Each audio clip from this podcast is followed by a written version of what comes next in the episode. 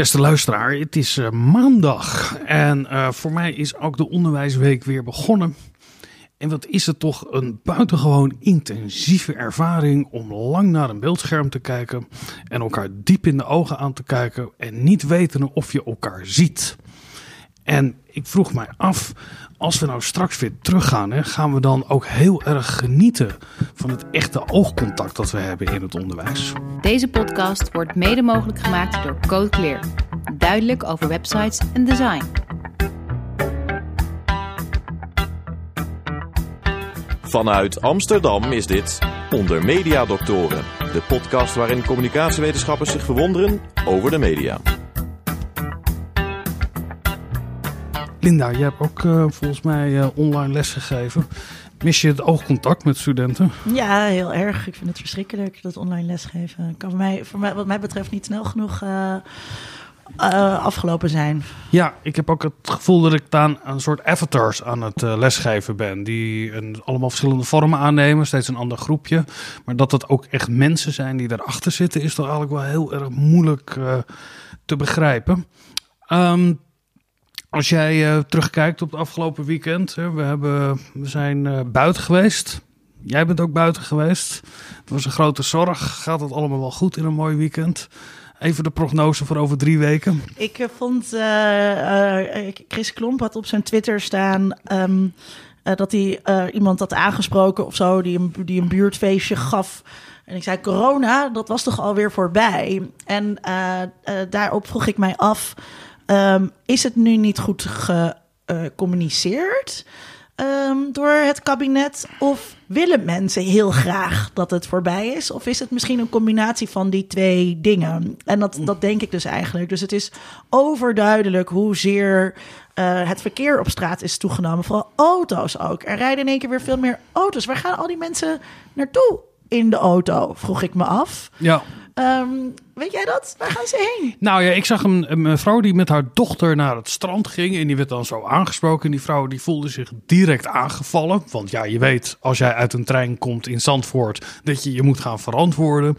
En die vrouw die begon echt vanuit een hele diepe vermoeidheid tegen... Meneer, we zitten al acht weken binnen. Mag ik dan eindelijk een keer met mijn dochter even naar het strand. Dus gelijk in die houding van, uh, ja, uh, alsof je uh, heel defensief reageren op een simpele vraag van, goh, wat gaat u vandaag doen? Dat voel ik wel heel erg, dat mensen die in de auto ergens heen gaan, dat we eindelijk mogen ze een keer ergens naartoe om iets te doen. We hebben het verdiend. Um, daar, dat punt hebben we een beetje bereikt. Waar mensen precies naartoe gaan. Ja, uh, de dat, IKEA, dat, de ja, dus, bouwmarkt. Nee, maar is, is dat net uh, kwam ik hier tijdens de, de avondspits uh, naar jou toe gefietst. En in één keer waren er weer auto's bij de kruispunten waar ik op moest letten. Terwijl, ja, ik bedoel, de afgelopen weken kon je gewoon blind oversteken. Ja. Uh, en was er niets aan de hand. En, en dat vraag ik me dan. Zijn die, gaan die mensen dan toch weer uh, naar hun werk in de stad met de auto? Dat zou heel goed kunnen. Die gaan niet tijdens de avondspits naar de IKEA. Nee.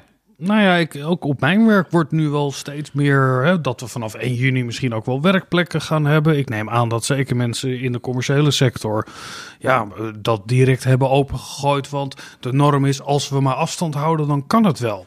Ja, en dat, dat uh, die norm heb van als we maar afstand houden, dan kan het wel. Is dat de boodschap die jij eruit had gehaald? Nou, ik zit nu echt even te denken wat nou eigenlijk de, de, de, de, nou ja, is de afspraak of de wet is zoals dat bedacht is. Dat mag je nu gewoon als kantoorklerk naar je werk toe als er afstand kan worden gehouden? Volgens mij mogen we nog steeds niet met meer dan tien, uh, nog steeds niet met meer dan drie mensen eigenlijk bij elkaar uh, zijn. Dus het wordt binnenkort mogelijk om uh, om dat naar tien mensen op te schakelen. Maar dat is volgens mij nog niet. Ja. Um, het, het idee van de persconferentie was volgens mij... we gaan nu kijken naar wat wel mag. En we hebben een, uh, een stappenplan. Um, de, de, beroemde stip op de horizon. Ja, en misschien ook wel het idee van afbouwen. Uh, dat geeft ook mensen toch. Je gaat, als je een feestje hebt gegeven, dan ga je daarna afbouwen. Maar dan is het feest al voorbij. Dus uh, we hebben een crisis gehad. En uh, als we dan gaan afbouwen, dan is het misschien toch ook wel het idee: de crisis is voorbij. En dat is toch wel echt fundamenteel onjuist. Uh, wat voorbij is, is de beginfase. Ja. en nu begint de middenfase. Maar ik moet ook zeggen, ik vind. Dus ik, ik stelde die vraag: hè, van is het nou. ehm, komt het nou voort uit dat, er dat er niet een duidelijke boodschap is gecommuniceerd? Of eh, willen mensen gewoon heel graag weer? En ik vond het heel opmerkelijk dat ik daar eigenlijk geen reacties op kreeg op Twitter. En eh, ik heb 11.000 volgers, dus eigenlijk. eh, eh, als ik zeg, ik doe even een plasje 1 procent. dan, eh, dan reageert er altijd wel iemand of zo. Ehm, en het leek wel dat mensen ook niet geïnteresseerd waren in het antwoord op die vraag. Eh, mensen waren vooral geïnteresseerd in heel erg boos zijn dat het gebeurde. Ik heb wel duizend keer die tweet van de NS geciteerd zien worden dat de treinen vol zaten. Nou, dat had- iedereen had dat wel voorspeld. Iedereen wist het al. En nou, nu gaan we het krijgen. En ehm, ik weet niet of het Natasja Viliers was of iemand anders die ik volg, die opmerkte de gretigheid waarmee mensen nu de tweede piek Ja. voorspellen. Die lijkt op de gretigheid waarmee extreem rechts eh, eh, terreuraanslagen voorspelt, weet je wel? Zodat ze daarna kunnen zeggen, "Ja, zie je wel, ik heb het gezegd. En daar is toch echt ernstig iets mis mee, mensen. Ja, maar kijk, die eerste piek, dat heb ik nu bedacht hoor. Uh, de eerste piek was natuurlijk overviel ons als een soort natuurstorm. Nu weten we hoe we dat kunnen voorkomen. Dus als er een tweede piek komt, dan zijn er schuldigen. Voor de eerste piek was niemand schuldig. Nou, maar dat de is tweede niet waar, want voor de eerste piek... die hebben we helemaal niet op die manier beleefd, eh, trouwens. Eh, dus we hoorden, het gaat mis in Brabant...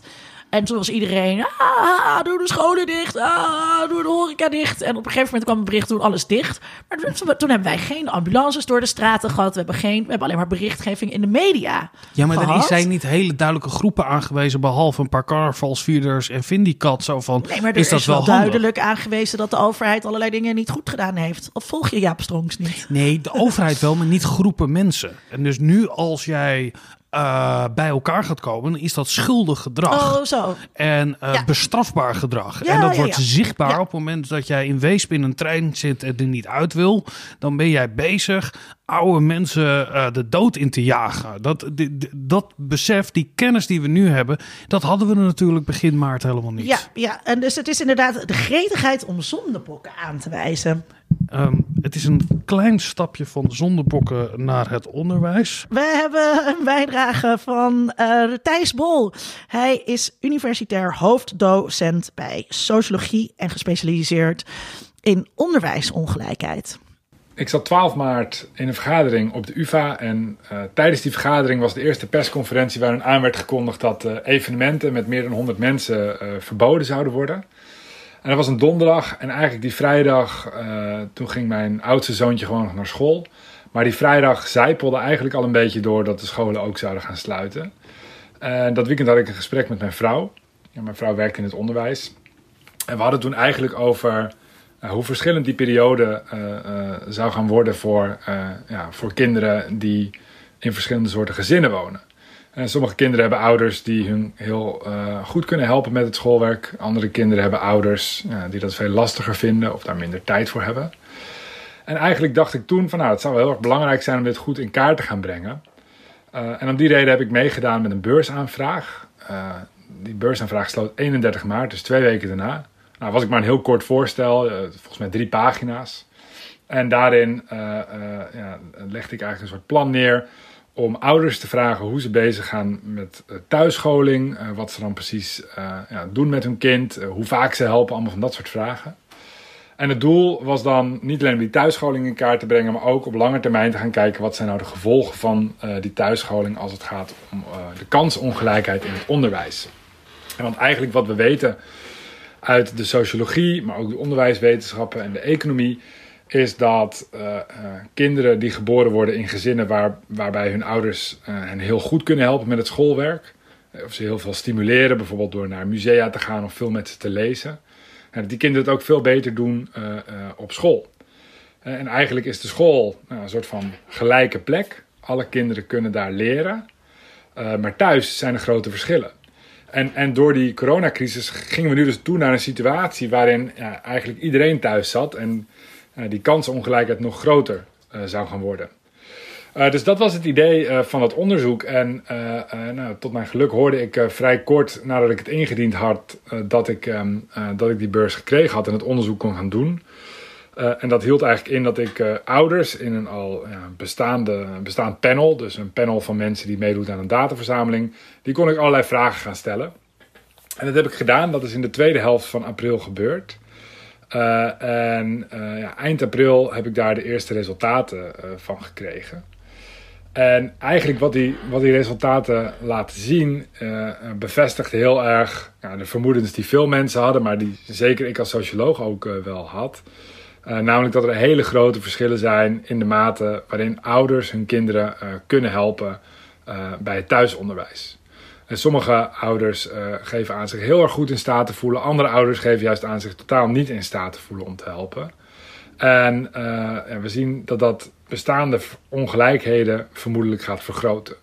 En dus om een voorbeeld te geven, uh, op de vraag van nou, voel, voel, je je kind goed in staat om voel, je goed voel je goed in staat om je kind te helpen met het schoolwerk? Geeft ongeveer 40% van de ouders met maximaal middelbare school aan dat wel te kunnen. Tegenover 75% van ouders met een universitaire opleiding. En, en wat ik dan ook zie in die data is dat ouders met een universitaire opleiding veel vaker hun kinderen helpen. Dus ze investeren ook meer tijd in die kinderen omdat ze dat kunnen. Eh, niet omdat ze dat belangrijker vinden, want eigenlijk alle ouders vinden het heel belangrijk dat hun kinderen hun schoolwerk bijhouden. Dus wat ik in mijn um, uh, um, onderzoek eigenlijk naar voren wilde brengen en wat ik denk ook gevonden heb, is dat uh, die ongelijkheden als het gaat om thuisscholing, die zitten niet alleen in, in laptops of tablets die, of, of, het, of het hebben van internet. dat zijn allemaal dingen die nu op korte termijn opgelost worden en dat is ook goed. De gemeente Amsterdam geeft allerlei computers aan gezinnen die geen computer hebben. KPN installeert gratis internet. Dat is geweldig.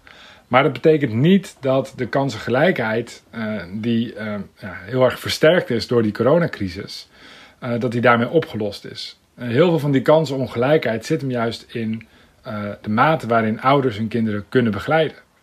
En daar zitten hele grote verschillen in. En die verschillen zijn gewoon heel erg lastig om tegen te gaan. En dat betekent dan ook dat als over een paar dagen, op 11 mei, de scholen weer open gaan, dat er een enorme uitdaging ligt voor scholen om te kijken welke kinderen nou wat geleerd hebben in die periode en hoe zij uh, daaraan bij kunnen dragen om die ongelijkheid weer tegen te gaan. Wat ik zo tof vind aan de bijdrage van Thijs is dat hij ook mooi inzicht biedt in hoe zijn onderzoek is opgezet en hoe dat tot stand is gekomen in die hele korte periode. Um, dank ook voor het inspreken, Thijs. Um, ik zag een docent schrijven en ik vond het zo goor. Ze zei. Je hoeft niemand, niemand, geen enkele ouder hoeft zich zorgen, zorgen te maken. Geen enkel kind loopt voor, geen enkel kind loopt achter. Um, hè, we gaan gewoon, als we weer gaan beginnen, dan gaan we gewoon weer beginnen. En maak je maar geen zorgen over die kansenongelijkheid. Ik vond dat echt smerig, omdat het getuigt van zo weinig inzicht in hoe de sociale werkelijkheid werkt. En ik snap niet, elke basisschooldocent is ook sociaal wetenschapper, maar Kom op toch. Ja, dat verbaast me ook. De mensen in mijn omgeving die op middelbare scholen lesgeven, die vertellen mij altijd dat je sommige kinderen hebt die na de zomervakantie een enorme taalspurt hebben doorgemaakt. Want die zitten de hele dag met hun ouders. Nou ja, waarschijnlijk in een leuk appartementje dat ergens gehuurd is. Terwijl andere kinderen een taalachterstand oplopen. Of in ieder geval stilstand hebben gehad gedurende die zomerperiode. wat, wat, Thijs ook zei, hè? dus zijn verwachting was heel duidelijk gebaseerd op dit soort onderzoek naar uh, de verschillen die ontstaan in de zomervakantie. Ja, en, en dit, dit fenomeen kenden we natuurlijk al. Dus in die zin is het een heel interessant onderzoek om te zien hoe dit specifiek in deze situatie uh, nou naar voren nou, komt. Wat Thijs uh, zegt, en dat wist ik niet zo. kijk, ik weet dat opleidingsniveau uh, de belangrijkste voorspeller. Opleidingsniveau van ouders is de belangrijkste voorspeller van het opleidingsniveau van het kind. Uh, wij onderling hebben ook wel eens gegrapt, of tenminste die grap ga ik gewoon aan jou toeschrijven. Hè, we kunnen ook gewoon kijken bij de studenten, wat is het opleidingsniveau van je ouders? Zeker. Ja. En dan... Een stukje postcode erbij en dan... Precies. En dan hoef je eigenlijk weer dan niks meer aan te doen. Nee. Ja, dan geef je zo'n kind een boek van Foucault. En vier jaar later, dan uh, kunnen ze wat. Nou, daar wil ik zo wat over zeggen. Um, maar wat uh, Thijs laat zien, is uh, dieper inzicht in... Daarom is zijn onderzoek resonant van dieper inzicht in hoe die mechanismen werken. En wat hier... alles, alle ouders vinden het belangrijk, zegt hij. Maar het grote verschil zit in, ehm, hij noemde het woord niet, maar volgens mij is dat eh, eh, de term die hij bedoelde, die efficacy. Dus de mate waarin jij jezelf in staat acht om iets te doen. In dit geval dus de mate waarin ouders eh, denken dat zij eh, hun kinderen daadwerkelijk les kunnen geven. Ja. En ehm, eh, dat is dus nogal wat. Hè, dat, dat, want dat betekent niet dat je een campagne kan doen van je, je moet het belangrijk vinden. Of inderdaad, die schoolspullen die moeten thuiskomen. Maar ja, zorg is dat, je, dat, dat ouders dat gevoel krijgen dat ze dat, ze dat kunnen. Wat, wat denk jij dat. Want dit is gebaseerd op wat dan self-reporting heet. Hè? Dus de, de, de, de ouders die hebben zelf aangegeven: ik ben daartoe in staat. Ja. Ehm, eigenlijk weten we dan nog helemaal niet zo heel veel over wat de kwaliteit van het thuisonderwijs is geweest. Denk je dat hoger opgeleiden zichzelf overschatten of eerder onderschatten in hun vermogen om dit soort dingen te doen? En hoe zou dat dan met lager opgeleiden zijn? Dat vind ik een lastige vraag, want ik ben Thijs Bol. Nee, maar ik, Ehm, we kunnen er even eh, over. Want aan de ene ja. kant denk ik, als je lager opgeleid bent, en dat weet je van jezelf, dat je jezelf misschien ook wel eh, wat, wat minder, minder zelfvertrouwen hebt in die rol. En dat hoger opgeleiden zichzelf een beetje overschatten. Want ja, ik kan toch wel HAVO-4-stof aan. Eh, maar aan de andere kant, misschien is het ook wel helemaal niet zo. En gaat het over een perspectief van het goede ouderschap. Weet je wel, ik, ik, ik vind het belangrijk, dus ik ben er ook goed in. Dus die Ik cijfers ben die. toch geneigd om, om te denken dat, ehm, eh, dat ouders het onderschatten. Dat ook hoogopgeleide ouders het onderschatten. Omdat ik denk dat waar mensen op fo- mensen, mensen denken, denk ik te snel dat lesgeven gaat over de stof beheersen. Ja. En dat wat jou een goede docent maakt, als jij heel goed snapt hoe iets in elkaar zit. Dus als jij breukenonderwijs moet geven, dat jij dan aan je kind, en dat is best lastig, breuken vermenigvuldigen, hoe moest dat ook alweer? Ehm, dat, dat, dat je dan denkt, oh shit, ik moet mezelf, ik moet mijn eigen wiskunde even bijspijkeren. Terwijl doseren gaat eh, eh, voor een veel groter deel over eh, je kind aanmoedigen. Hè, dat kind heeft lesmaterialen, die, daar kan je met je kind aan gaan zitten. Het gaat over de tijd doseren, over al die andere dingen. En ik denk dat ehm, ouders, eh, alle soorten ouders, dat dus niet zo goed inschatten. Ja, ik zou heel benieuwd zijn. Kijk, onderwijs wordt wel eens omschreven gaat over. Nou, er zijn heel veel drie stappen hoor. Er zijn onderwijskundigen heel eh, dol op. Maar Wat versta jij onder onderwijs? nou ja, een van de benaderingen is dat je het kan toetsen aan. Het gaat over kennis, vaardigheden en attitude. En in deze volgorde is het ook een mate van concreetheid. Hè? Kennis kan je heel goed eh, toetsen. Iedereen heeft is, wel dan, een. wat is dan doseren volgens jou?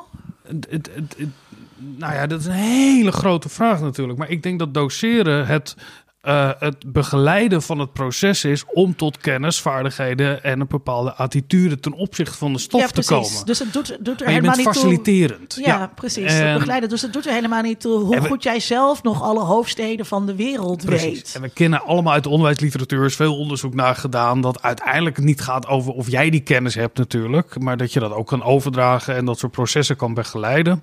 Eh, en je hebt de, de klassieke docent die heel veel weet en over de groepen uitstort. Dat is model 1, zeg maar. Dan heb je nog een soort model 2. eh, de docent die alles voor je doet, weet je wel. Eh, nog een keer uitleggen, nog een keer uitleggen en snoepjes en zang en dans erbij. En eigenlijk het derde model, dat is het meest nastrevenswaardige model, is dat leerlingen zelf gaan leren leren. Dus zelf aan de slag gaan met de stof, zelf vanuit een vraag eh, aan de slag gaan. Dat kan een sommetje zijn, of dat kan in je eh, laatste fase van je PhD-traject zijn. Maar dat zelf kunnen doen, dat beklijft ook het meeste, dat weten we. Maar vooral die laatste over die drietap, de attitude ten opzichte van de stof. Ik kan me heel goed voorstellen dat als jij lager opgeleid bent, dat je niet die ervaring hebt van het plezier van leren. Dat is even een veronderstelling, maar je hebt in ieder geval daar minder gelegenheid toe gekregen om dat te doen. Als je dat ook aan je kinderen eh, moeilijk kan overdragen, dan is het effect daarvan helemaal niet over of die kinderen straks die staardeling goed kunnen doen of eh, de grammatica op orde hebben op welk niveau, maar een plezier in hebben. Ik heb iets geleerd. Als jij in een omgeving zit, nou ja, we hebben natuurlijk. Maar dat gaat dus over. Kijk, op het moment eh, dat jij ehm, denkt. Eh, oh shit, nu moet ik mijn kind lesgeven en dat kan ik eigenlijk niet zo goed. En, En het is eh, ook niet leuk, en leren. Ik, twijfel. Nou ja, maar dus ouders vinden het belangrijk. Dus dat is Ja. al heel wat. Oké, dus ik moet mijn kind nu toch wel aanmoedigen. Maar ik denk dat ik dat niet zo goed kan. Wat Thijs dus zegt, is dat die mensen die denken dat ze het dus kunnen, die investeren daar meer tijd in. En ehm, dus zo, zo, zo, zo, zo, zitten, zo hangen die variabelen met elkaar samen. Ehm, eh, dus ja, weet je, oké, ik kan het niet zo goed. Ik ga nu met mijn kind zitten. Shit, ik voel dat ik het nog minder goed kan. Oké, ik laat nu mijn kind hier alleen zitten en ik ga ondertussen de was opvouwen, want dat is ook belangrijk voor mijn kind. Of Ja. ik ga een mondkapje voor mijn kind eh, naaien of weet ik veel wat. Ehm, maar ik ben dat niet meer aan het, aan het doen. En ehm, ja, ik weet even niet waar ik heen ging, maar Nee, als jij je Hoe- incapabel we- voelt, wat, hè, die lager opgeleiden voelen een grote gedeelte zich incapabel. Dat gaat altijd gepaard met frustratie, hè, het niet willen. Dat breng je ook op je kind over. Dat dat hele proces van leren iets van een obstakel is en moeilijk en wat gedaan moet zijn. En wat niet eh, vertrekt vanuit nieuwsgierigheid en van eh, het plezier daarin, van het leren. ik denk dat je niet te Eh, snel. dit tot- is heel erg zwart-wit. jumping to interpretations maar- waarvan ik denk dat Thijs daar niet achter zou staan. Nee, dit is een veronderstelling die ik heb dat dat een, een rol speelt in de attitude die je hebt tot leren. Tuurlijk zijn er allemaal grijstinten en, en niet elke lager opgeleide is een slechte docent. Zoals waarschijnlijk een heleboel hoger opgeleiden ook een slechte eh, moeite hebben met onderwijs geven. Het deed me wel ook denken aan een onderzoekje dat ik ooit las over welke kinderen in welke gezinnen nou een goede start hadden op school. En uit dat onderzoek bleek dat kinderen die thuis een werkplekje hadden, dat dat veel beter ging dan eh, kinderen die thuis geen werkplekje Goh, hadden.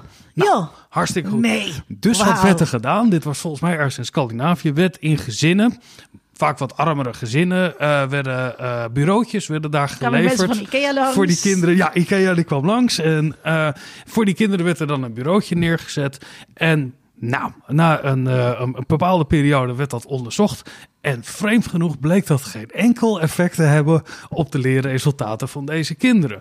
Dat zegt natuurlijk alles over ja, in de omgeving waarin je opgroeit. Dat het ouders die het belangrijk vinden dat, je, dat een kind een bureautje heeft, ja, die zijn ook beter in dit soort processen te bedoelt, begeleiden. Het, was een, eh, het verband was spurieus. Ja. Er, zat, er zat eigenlijk een andere variabele tussen. Precies. En wat ik interessant vind, en jij hebt die ervaring ook, weet je wel, we hebben het nu over, de, over het primair onderwijs en het voortgezet onderwijs.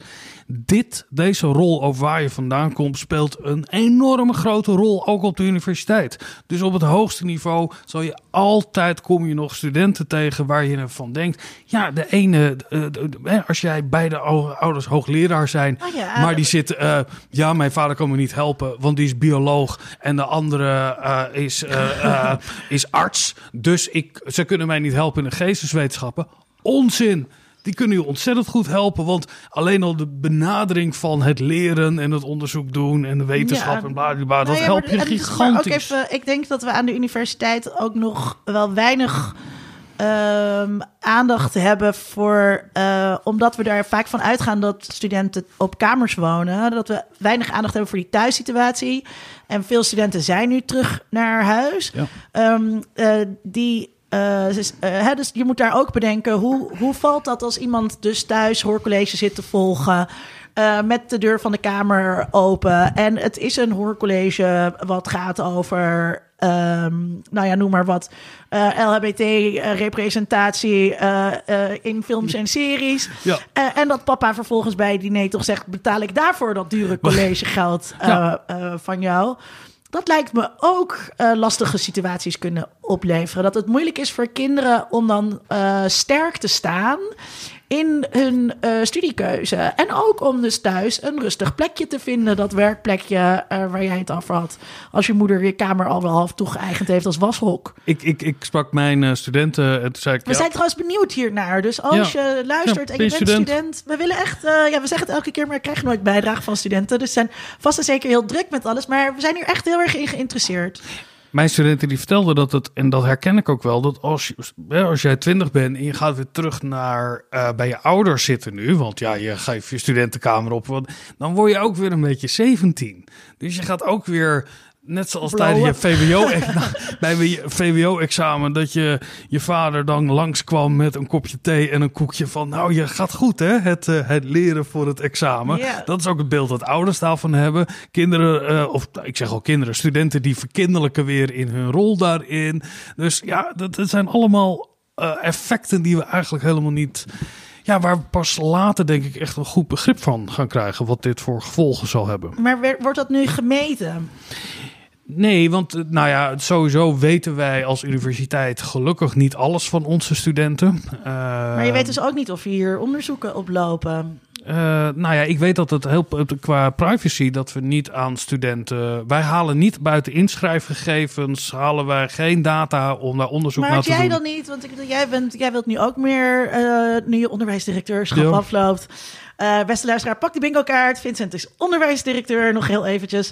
Nu dat afloopt, wil je meer onderzoek gaan doen. Was dit Ja. niet voor jou een prachtig onderzoeksproject geweest? Oh, ik vind het een heel. Ja, ik vind het een fantastisch onder, eh, onderwerp. Er zijn ook mensen daarmee bezig. En dan gaat het over diversiteit en inclusiviteit. maar ook Eh, specifiek op corona. Oh, niet specifiek op corona. Nee, nee maar wel, kijk, het, het fenomeen over de verschillen van achtergrond in verschillende wat je zei over de situaties. zomervakantie, dat doet zich niet voor bij eh, eh, deze studerende mensen. Hangt er vanaf. Ik denk als jij eh, je omringt met. Als met je een research master media and performance studies doet en je En- gaat ja, met met je je, stu- met je, verkering Ja. die docent is op vakantie naar Algerije. Ja, natuurlijk lees je dan Orientalism bij het zwembad. Hoi lieve. om- om- voor de bingo. doe je dat met liefde dan maar. Nee, kijk, tuurlijk als jij in een studentenhuis zit waar allemaal gelijkgestemden zijn en je nog eens een keer bij eh, de borrel na gaat praten over of je nou echt meer het, het, het archeologisch begrip van Foucault wil hanteren of meer het genealogisch begrip, daar kom je verder mee dan als jij terug bij je ouders bent die misschien een hele andere achtergrond hebben of geen academische vorming hebben gehad. Oh, wil je dan later misschien politicus worden, Linda? ja, dat is echt inderdaad waar mijn studie over gaat. Ehm, ja, maar dan gaat het dus over woon je thuis of niet thuis? Nou, het gaat om je omgeving. En je omgeving is ook gewoon letterlijk de lokaliteit waar je bent, maar waar je je mee omringt. Dat heeft een hele belangrijke Ja. invloed. Maar dat is niet toch- alleen op wat je, niet is- alleen op kennis. Hè, Maar dat, dat is toch iets anders dan wat je net zei, want dat ging wel echt over, over eh, die kennis. En dat de kennisvergaring eh, van bepaalde leerlingen doorgaat in de zomervakantie. ja, maar ook, ja, nee, maar je, je, je vocabulaire bijvoorbeeld, is dat kennis of je is dat, is dat een vaardigheid? Misschien kan die ook op de Ja, precies. Vincent en Linda wisselen elkaar af in synoniemen. Maar is dat een vaardigheid of is dat kennis? Eh, vocabulaire is kennis. Ja. Ja. Maar het gebruiken, dat is weer een vaardigheid. Ja, Dus je kan wel- is- ja, eh, je moet eerst de woordjes leren en dan moet je Ja. ze in een zin leren Dus je gebruiken. kan, je kan wel allemaal elke dag tien nieuwe woorden gaan leren in Duolingo. Maar het gaat er ook om of je dat kan inzetten. En of je daarmee aan de slag gaat. Of je gaat schrijven, bladibla. Kortom, die, die, dat onderscheid tussen kennis en vaardigheden is vaak heel erg moeilijk te maken. Eh, Kan je ima- wat je hebt gelezen over Edward Said direct toepassen Nou ja, op jouw je- witte positie aan het zwembad in Algerije? Eh, eh, Immanuel Kant heeft hier hele aardige dingen over geschreven. Over eh, kennis wat je niet kan toepassen. Of toepasbare dingen die. Nou, voor de Kantianen ons rond. Corrigeer mij over wat ook weer de a priorische analytische kennis was. hey lieve, kan Eh, jij dat anders even inbellen? We gaan luisteren naar Cesar Majorana. Wel een student eindelijk. Vinden we hartstikke leuk. Eh, hij is daarnaast het student. Is hij ook, eh, ja, het is een mediapersoonlijkheid. Influencer, influencer. televisiepresentator, En ook een van onze favoriete gasten. vriend van de podcast, Cesar Majorana. Hey mediadoktoren, ik wil het even gaan hebben over social media in tijden van corona. En dat wil ik niet doen op zo'n manier van laten we eens kritisch kijken naar wat er gaande is, omdat ik zeker weten weet dat mensen op dit moment naar social media toe gaan, omdat ze ook behoefte hebben aan ehm, de afleiding die het geeft. En ik denk dat onze sociale netwerken nu juist opeens een hele nuttige rol hebben. Je ziet het ook in bijvoorbeeld hoe het Facebook-gebruik is toegenomen. We hebben heel erg veel behoefte aan dit contact met elkaar. En ik word er stiekem ook zelfs een beetje blij van als mensen zeggen dat, en het is een cliché op zichzelf, maar goed, je hoort heel vaak mensen zeggen: we doen niet aan social distancing, we doen aan fysieke distancing. En dat is een beetje een cringy zinnetje, maar de waarheid die het schaal houdt is wel echt het is een heel goed inzicht. Want we zijn super sociaal, we staan heel erg in verbinding met elkaar en die kant van social media vergeten we nog wel eens. Ehm, nu is het wel zo dat er maar allerlei dingen zijn opgevallen die jullie ongetwijfeld misschien ook wel zijn opgevallen. En één daarvan, daar wil ik het over hebben, en dat is de functie van de throwback. De throwback op social media of een latergram, zoals je op Instagram bijvoorbeeld noemt, is wanneer je dus een oud beeld herdeelt en daar iets bij schrijft. Je kijkt nostalgisch terug, je hebt een foto van vorige zomer waar je nog goed in bikini op het strand stond met mensen die veel te dichtbij je stonden en wat dan ook hartstikke gezellig was. En dat zie ik steeds meer op mijn tijdlijn verschijnen. Dat heeft er ook mee te maken dat vorig jaar deze periode natuurlijk een veel snellere, leukere zomerse periode was. En sociale media bieden het ook meer aan. Ik merk op Facebook dat zodra ik inlog, ik meteen al bovenaan mijn tijdlijn een suggestie voor een post zie die gaat over iets wat er vorig jaar is gepost. Ik merk het op Instagram, die mij meldingen stuurt om te zeggen: hey, je hebt dit vorig jaar gedeeld, wil je het nog een keer delen? En ik vind iets aan dat posten van throwbacks, die nostalgie, een beetje gevaarlijk. Want de type opmerkingen die mensen erbij plaatsen, ik heb me er ook schuldig aan gemaakt, zijn van die: goh, ik mis deze afstanden. Of ah, wat, wat zou ik graag willen dat het weer deze tijd was. En als we iets zouden kunnen leren van deze crisis, dan is het dat het idee in stand houden dat we terug naar vroeger kunnen, dat er nog iets bestaat als precies zoals vorig jaar, eigenlijk een onmogelijkheid is. De coronacrisis heeft ons allemaal geleerd dat er best wel wat dingen in onze samenleving heel makkelijk onder druk kunnen staan, omdat ze nou eenmaal niet zo goed zijn ingericht. En dan heb ik het onder andere over onze zorg. Nu zou de les van de crisis dus moeten zijn dat vroeger onhoudbaar was, maar onze tijdlijnen zijn ons de tijd aan het voorspiegelen dat vroeger een soort bestemming in het vooruitzicht is. Omdat vroeger het einde van deze vervelende rit kan zijn, een plek om naar te verlangen. En ik ben eigenlijk steeds en steeds meer overtuigd van het feit dat vroeger niet terug gaat komen en we ons zouden moeten bezighouden met hoe onze toekomst eruit gaat zien. En dan is social media misschien niet de allerbeste plek om dat te omschrijven. Maar goed, hier spelen natuurlijk ook andere dingen in mee. Zo is het bijvoorbeeld zo dat social media uh, heel erg draait om snelheid. Ik ben groot fan van uh, filosoof Nathan Jurgensen, die voor het bedrijf Snap mag nadenken over het web. En Snap zijn de makers van Snapchat. Ik denk dat hij sowieso de mediawetenschapper is met een van de coolste banen, naast natuurlijk Linda Duits. Maar hij stelde ook dat social media in zo'n rap tempo ontwikkeld in de zin van onze tijdlijn. Er is altijd wel weer nieuws. Er is zelfs dat grapje dat mensen dan zeggen: Goh, weet je nog dat Jeffrey Epstein zichzelf niet heeft uh, vermoord? En dan is dat een soort throwback naar, ja, maar dat was eigenlijk maar een half jaar geleden. Um, het internet beweegt gewoon snel. Er is iedere week wel weer een gekke uitspraak van Trump of een virale foto van Kim Kardashian. En het gesprek van de dag verandert dus ook telkens. En dit virus is iets wat lang duurt, wat dingen vertraagt. En misschien daardoor ook social media een beetje weten ontwrichten. Um, dit zijn allemaal eerste ideeën. Ik ben benieuwd, wat zijn jullie eerste ideeën over social media in de tijden van corona? En wat merken jullie aan jullie tijdlijnen? Laat het weten. Ik denk veel aan jullie. Ik luister graag naar de podcast. En ik ben blij dat ik, hoewel ik fysiek niet bij jullie ben, ik toch sociaal te gast mocht zijn. Nou, wil het toeval dat de derde bijdrage van Jan Turlings, waar de vaste luisteraar natuurlijk uh, naar uitkijkt, ook over sociale media uh, gaat. Dus uh, Cesar wordt niet alleen getrakteerd op onze overpeinzingen over sociale media, maar krijgt ook nog eens een keertje uh, Jan Turlings er zo overheen. maar laten we eerst even um, dit bespreken. Vincent Cesar zei over die throwback. throwback Thursday had je bijvoorbeeld altijd. en sociale media faciliteren die throwback. Um, zie jij dat op jouw time, timeline? Ik, ik kijk steeds minder op, op timelines. En dat is niet uh, een verhaal. Vroeger had je dat mensen juist zelf. Persoonlijk kijk ik heel erg weinig televisie. Uh, nee, maar dus ik, ik, ik zie wel dat er op Facebook dat je dan een herinnering krijgt. Ik kreeg je zoveel jaar geleden. Of je bent al zo lang lid. Of uh, jullie zijn zo lang vrienden. Dat er uh, timelines geef je een heel sterk temporeel begrip. Uh, door dat soort dingen, maar door ook zelf terug te gaan kijken. Ik ken wel mensen die zeggen ook van... goh, ik gebruik Facebook als een soort dagboek om te kijken... oh, wat deed ik vorig jaar ook alweer rond deze tijd? Dan kan ik even kijken met wie dat was en uh, hoe het leven er toen uitzag. En dat ze ook een fotobibliotheek die ze daar hebben... heel belangrijk voor ze is om als een soort referentie te dienen.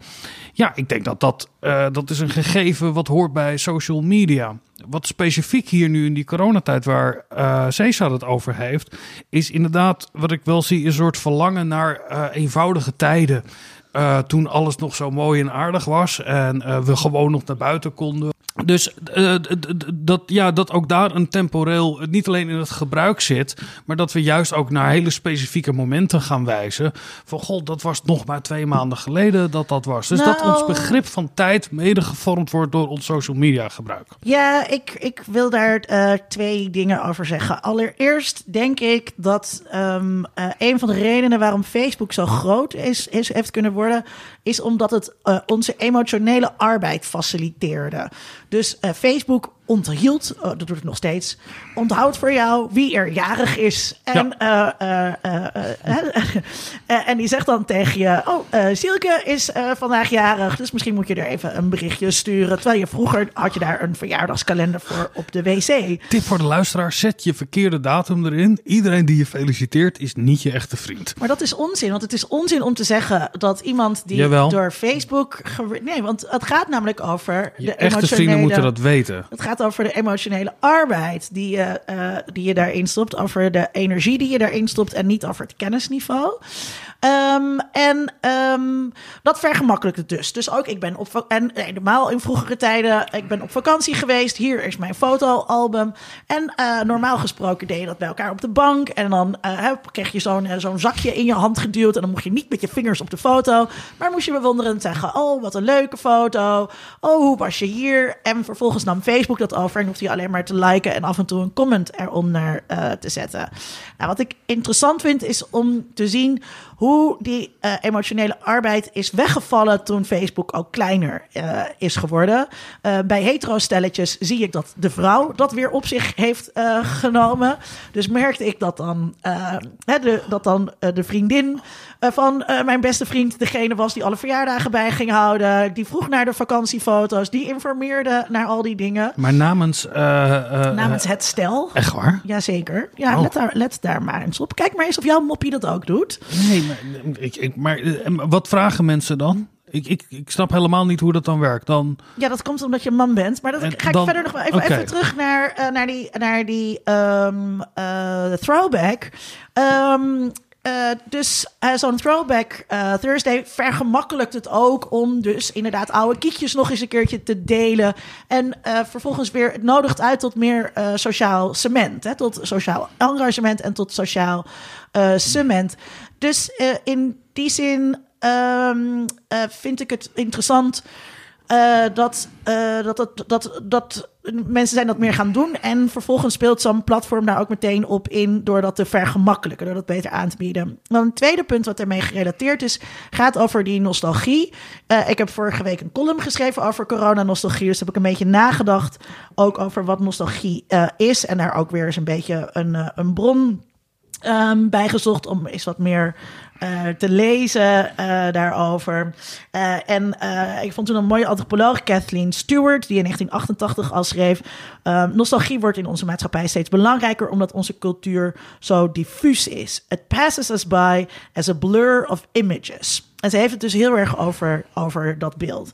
Nou ja, als je dat combineert met die Throwback Thursday, dan zie je dus, hè, dat gaat heel erg over grip krijgen op het verleden. Dus juist denk ik dat die Throwback Thursday een manier is voor ons om te kijken, zo was het toen, hoe is het nu? Hoe verhouden wij ons tot dat verleden? Dus nostalgie is nooit zomaar een romantisering of een terugverlangen, maar gaat veel meer over, over dat grip eh, krijgen. Ehm, ik denk dus ook niet dat nostalgie in die zin eh, gevaarlijk is. Ik, ik ben het met Cesar eens. Vroeger is dood en vroeger is onhoudbaar. Kill the past, eh, forget the past, kill it if you have to, zegt Kylo Ren eh, in, de, in de laatste ehm, Star Wars films.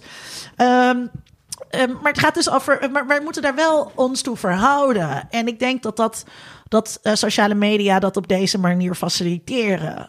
ik, ik bedenk me nu dat ik eh, mijn veertigersvrienden, dat er nu zoiets is. eh, je moet dan tien albums, eh, maar die moeten dan wel Oh, echt een vinyl God. zijn.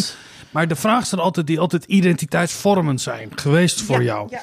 En Die dus lijstjes, je, de vijf beste films. ja, of oude foto's van jezelf, wat dan ook altijd die, die echte foto's zijn die dan ingescand zijn. Dus dat we een, een heel erg een narratief aan het creëren zijn over onze wortels. Dat doen we natuurlijk vanuit het huidige perspectief. Over dat we nu denken wat ons vroeger ooit gevormd heeft. Ja. Dus dat, dat deugt niks van.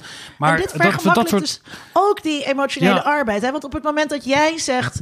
eh, toen jij jong was, luisterde je ook naar The Cure. Dan kan ik zeggen, oh, daar luisterde ik ook naar. En Ja. vervolgens kunnen wij dus makkelijk praten over onze jeugd... en weer makkelijk verder banden. Ja, maar dat de, de, de, onze identiteit die gevormd wordt in het nu en wat we straks gaan doen, dat was eh, social media. Maar dat we nu de beweging terugmaken, dat we de oude foto's gaan inscannen. Er zit ook een soort politiek-economisch argument in. Weet je wel, Facebook heeft nu al eigenlijk alles al wat we nu al hebben. Maar er ligt nog een soort backlog aan informatie die we nog niet hebben verzameld. Dus zet ook al je oude foto's erop en, en, en put in je eigen verleden om daar naartoe te gaan. ja, je moet het natuurlijk. eh, eh, kijk, die, eh, toen ik mezelf net hoorde praten, moest ik denken aan Mark Zuckerberg. Die ook zei dat het zijn missie in het leven was om mensen te verbinden. Dat is natuurlijk helemaal niet waar. Zijn missie is geld verdienen. En dat doet hij door zo'n leuk verhaal te houden over mensen verbinden. Dus terwijl we met elkaar meer verbonden raken, zijn we inderdaad ook vooral bezig met, met data te delen. En wat je zegt klopt helemaal. We vullen niet meer op, op Facebook in wat onze vijf favoriete films zijn. Dus komt er in één Ja. keer eh, eh, eh, eh, eh, ehm, een, eh, gaat het viraal dat we allemaal dat alsnog aan het opbiechten zijn. En dat vind ik wel leuk om te koppelen aan, aan die vraag die ehm eh, Cesar stelde van eh, die nieuwscyclus. En is er wel voldoende om ook over te praten? En ontwricht het virus nou zeg maar die cyclus en de ophef du jour en de commotie die we zo van het een naar het andere rennen. Wat Ja. we zo, want we er- zitten al een hele tijd in een soort op een plateau van oké, het is corona, we mogen nergens heen. Ehm, ehm, ik denk dat eh, ja, het is, voor, het is voor sociale media wel ontzettend belangrijk. Of voor platformen is het onwijs belangrijk dat wij wel al die content blijven produceren. Dus in die zin ja, is het heel gunstig voor Mark Zuckerberg dat er te veel mensen in de trein naar Zandvoort zaten. Want dan kunnen wij weer allemaal lekker daar heel erg over verontwaardigd zijn. En in ieder geval engageren met content. Ja, maar mensen maken het. Ja, het, het- als we. Ik ben heel benieuwd als we straks terugkijken dat we eh, eh, de timelines. Mensen gaan naar minder plekken, maken misschien ook minder mee. In ieder geval minder Instagrammable. eh, weet je wel, hoeveel foto's kan je plaatsen van. Kijk eens wat een gek Zo. montemaskertje ik Jij heb verzonnen. duidelijk niet Thijs Kleinpasten, die allemaal heel veel broden aan het bakken is. Heel ja, veel maar dat mensen soort. zijn maar, aan maar het bakken, op waar we, ja, waar we het steeds over hebben. Dit is natuurlijk een heel huiselijke crisis. En deze huiselijke crisis gaan we, zien we ook terug in deze timelines. Dat, Oh ja, wij ehm, zijn ook al onze foto's van het klussen eh, aan het posten. Mooie, mooie nieuwe plantenbak heb je trouwens, Ja die, was- ja, die heb ik op een veiling gekocht. Ik Zet dacht, hem op je Instagram. ik dacht dat die eh, wat groter was. Ik vind hem voor 107 euro vind ik het een stevige prijs. is, eh. hij is toch, nee, je moet hem echt even op je Instagram zetten, want dan kunnen de luisteraars dat het is ook een Amsterdamse school eh, plantenbak. Past heel goed bij de eh, rest van je interieur. Het is allemaal precies. hartstikke Instagrammable. eh, Dit eh, past helemaal bij mijn huis uit 1922. Ja, Dit, na deze kleine detour in het gesprek. eh, kijk, dit huis is gebouwd eh, uit een soort socialistische traditie. Dus het is een klein stapje naar Jan. Eh, zo wat Kijk, een bruggetje. dat is een bruggetje. Wow, Dat- wat een ik zou bijna willen zeggen een Berlage bruggetje. Laten we luisteren Oh naar Jan. God. Aan de hand van, van, van wat er eigenlijk gebeurd is in de laatste, de laatste twee maanden, laat ons zeggen, zijn er een drietal observaties die ik wil maken. Ehm, die hebben absoluut niets met elkaar te maken, maar het zijn toch wel drie punten die, vind ik, die belangrijk zijn om, om, om aan te stippen. Een derde aspect van de coronacrisis dat mij opvalt, is ehm, de rol van eh, social media bedrijven. Ehm, en dan, daarbij denk ik dan vooral aan eh, Facebook en Twitter. En wat ik zou, mijn argument zou zijn, dat, of wat ik observeer, is dat de sociale, social media bedrijven, eh, dat die nu definitief een soort van content creator rol hebben op zich. Dus inhoudscurerende rol op zich hebben, hebben genomen. Dat is opmerkelijk omdat je ziet dat sinds hun ontstaan eigenlijk de social media bedrijven als eh, Facebook en Twitter hun best hebben gedaan om zichzelf zoveel mogelijk te positioneren als uh, agnostisch ten opzichte van de inhoud uh, die ze verspreiden. Het, het, argument was altijd van wij zijn enkel een, een doorgeeflijk en we zijn bovendien een neutraal door, doorgeeflijk. Wij nemen geen keuzes in, wij wij zijn eigenlijk niet verantwoordelijk voor de inhoud die op onze platforms uh, verschijnen. Dat was precies de betekenis ook van het woord platform. Platform is een soort van oppervlakte waarop een performance uh, gedaan wordt, maar het platform is niet verantwoordelijk voor de, de, performance die erop, uh, die erop op, op plaatsvindt. Um, de laatste jaren is daar heel veel kritiek op, gekomen. Denk maar het Cambridge Analytica-schandaal, waarbij dat, um, de Facebook-data gebruikt werden om, om verkiezingen te beïnvloeden. Maar denk ook aan het, de, de, de Verenigde Staten, de, de Russische inmenging in de, de, Amerikaanse verkiezingen en de hele politieke controverse en onderzoek dat er rond, rond gebeurd is. Um, en wat je nu ziet door de coronacrisis, dan zie je dat um, eigenlijk Facebook en Twitter niet alleen um, uh, een soort van verantwoordelijkheid genomen hebben voor hun rol als informatieverspreiders, maar ze nu ook een zeer actieve, curerende rol op zich hebben genomen. Ik geef twee voorbeelden. Uh, het eerste voorbeeld is Facebook. Facebook heeft een soort van coronavirus uh, information center. En daarop, dat is een, een, een, een, pagina, en daarop wordt er enkel geverifieerd nieuws en ook informatie geplaatst met een sterke nadruk uiteraard op, op officiële instanties zoals het RIVM. maar dus ze nemen niet enkel de rol op van, van, van curator, maar ze gaan ook nog, daarnaast ook nog enkel nieuws plaatsen als het gefact-checked kan worden. Dit is een hele verre stap van hoe Facebook over zichzelf dacht in, laten we zeggen, 2015. Dus daar zien we dat in vijf jaar een gigantische omslag is gemaakt. Idem voor Twitter. Um, de laatste jaren heeft Twitter niet alleen al een aantal botnets uitgeschakeld. En je kan zelfs als gebruiker uh, gewoon kijken van uh, de, de, de, informatie downloaden van welke user-accounts geschorst werden, om welke reden, et cetera. Maar sinds de coronavirus houden ze ook nog eens individuele tweets tegen. Dus dat is echt wel, denk ik, een, een, een, een nieuwe stap. Um, een van de meest grappige uh, gebeurtenissen daarin is dat uh, twee tweets van de Braziliaanse president Jair um, Bolsonaro, dat die, um, dat die tegengehouden werden omdat ze misinformatie bevatten. Dus in die zin, daar, zien we, daar zien we heel duidelijk ook dat Twitter niet langer zich beroept op de diagnostische rol, maar effectief um, een, de verantwoordelijkheid als mediabedrijf eigenlijk neemt en niet meer langer als een platform. Dankjewel Jan voor je bijdrage. Uh, de derde in een, uh, in een mooie reeks met inderdaad allemaal verschillende opmerkingen uh, of in ieder geval waarnemingen die je hebt gehad. Um, Linda, zie jij, want het, sluit wel aan ook waar Cesar het over heeft, dat die platformen eigenlijk veel meer in helemaal niet zo'n passieve rol hebben in het faciliteren waar je leuk je fotootjes kan neerzetten. Ja, het is natuurlijk, ik moest meteen denken aan het woord content genererende. Uh, het zijn content genererende platformen. En dat cureren is natuurlijk onzin. Zij bedenken allerlei manieren voor ons om content bij ons uh, los te maken. En zoeken steeds naar nieuwe manieren uh, om dat te doen. Ja, Jan geeft ook een voorbeeld van, uh, dat zie je ook bij Google, je ziet bij Facebook over dit is de deugzame informatie over COVID-19. Hier moet je gebruik van maken. En dat presenteren ze als Facebook heeft ook een verantwoordelijkheid om mensen op een juiste manier te informeren. Als je een event organiseert, ja, dan krijg je eerst, er is COVID, je mag niet een event. Je moet, Precies, maar ook als er bepaalde linkjes staan dan staat er direct bij van goh, de formele of de, de goede informatie vind je daar en daar. Ook op Google zie je dat.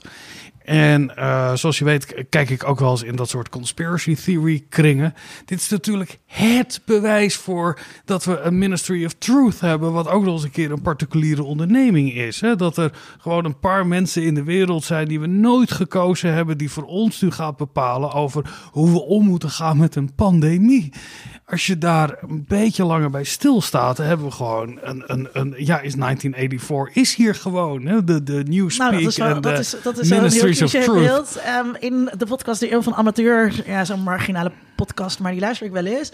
Ging het al over, Botten had een beetje angst dat eh, een van Pet die... Shop Boys podcast. Ja, de Pet Shop Boys. Eh, dat eh, een van die techgiganten op een gegeven moment een eh, land zou overnemen. En eh, dat is natuurlijk een onzingedachte van Botten. Want waarom zou je dat in hemelsnaam doen? Want ze zijn veel machtiger dan landen. Ja, dat ik zit net te denken. Ja, dan moet je, Eh. ja te- te- ten behoeve van wat? Dat je, Ja, dus het is, het is natuurlijk het, het, het, het transnationale eh, bedrijf dat al lang de nazistaat overschaduwt. En eh, we zijn al lang voorbij om dit nog enigszins aan banden te kunnen leggen. Tenzij je doneert aan Bits of Freedom. Ja, Bits of Freedom komt op voor je rechten. Dus geef er nou eens aan. Wees niet als Vincent, maar ga naar Bits of Freedom en kijk hoe je daar kunt doneren als je dit ook een belangrijk onderwerp vindt. we hebben eerder Mirko Schaefer hier ook gehad. En ik zag de, in de laatste discussies, daar zat ik al te denken toen Jan het had over Facebook en Google. Dat er verschillende landen zijn die hebben nagedacht over een app. En dan had je van die landen die dachten dat je dat kon doen zonder de inmenging van Facebook en Apple erin. Het is allemaal mislukt. En nu staat iedereen op het standpunt. De enige manier hoe je zoiets zou kunnen ontwikkelen is als je de medewerking hebt van deze techreuzen daarin. En nu hebben de techreuzen zelf gezegd, nou we gaan per land maar één app ondersteunen. Die bepalen dat hoe ze... Maar het is, eh, het, is ook, het is ook niet dat we de medewerking eh, nodig hebben. We hebben de infrastructuur nodig. ja, en daar heb je medewerking voor nodig. En ehm, het is meer dat wij met hun gaan medewerken.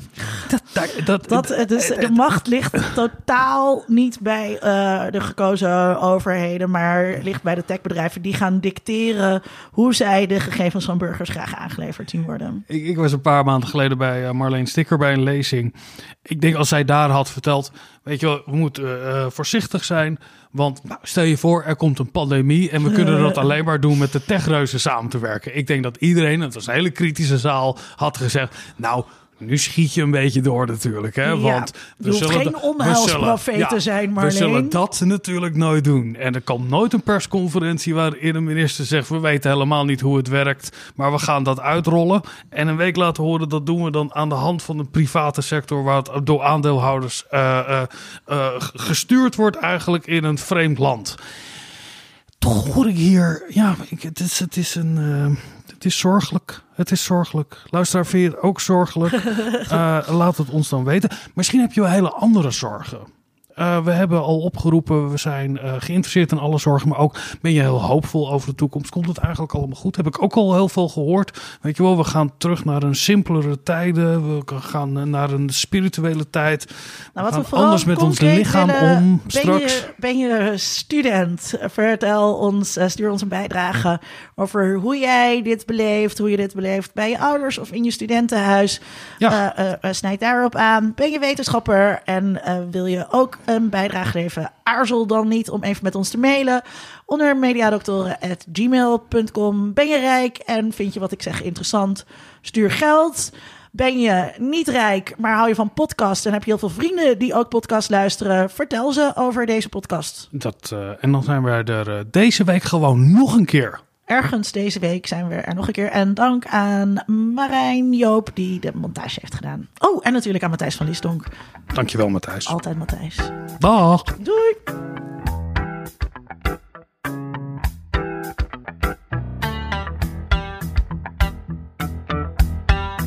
Onder Mediadoktoren is een podcast van Vincent Kronen en Linda Duits. Meer informatie vindt u op ondermediadoktoren.nl.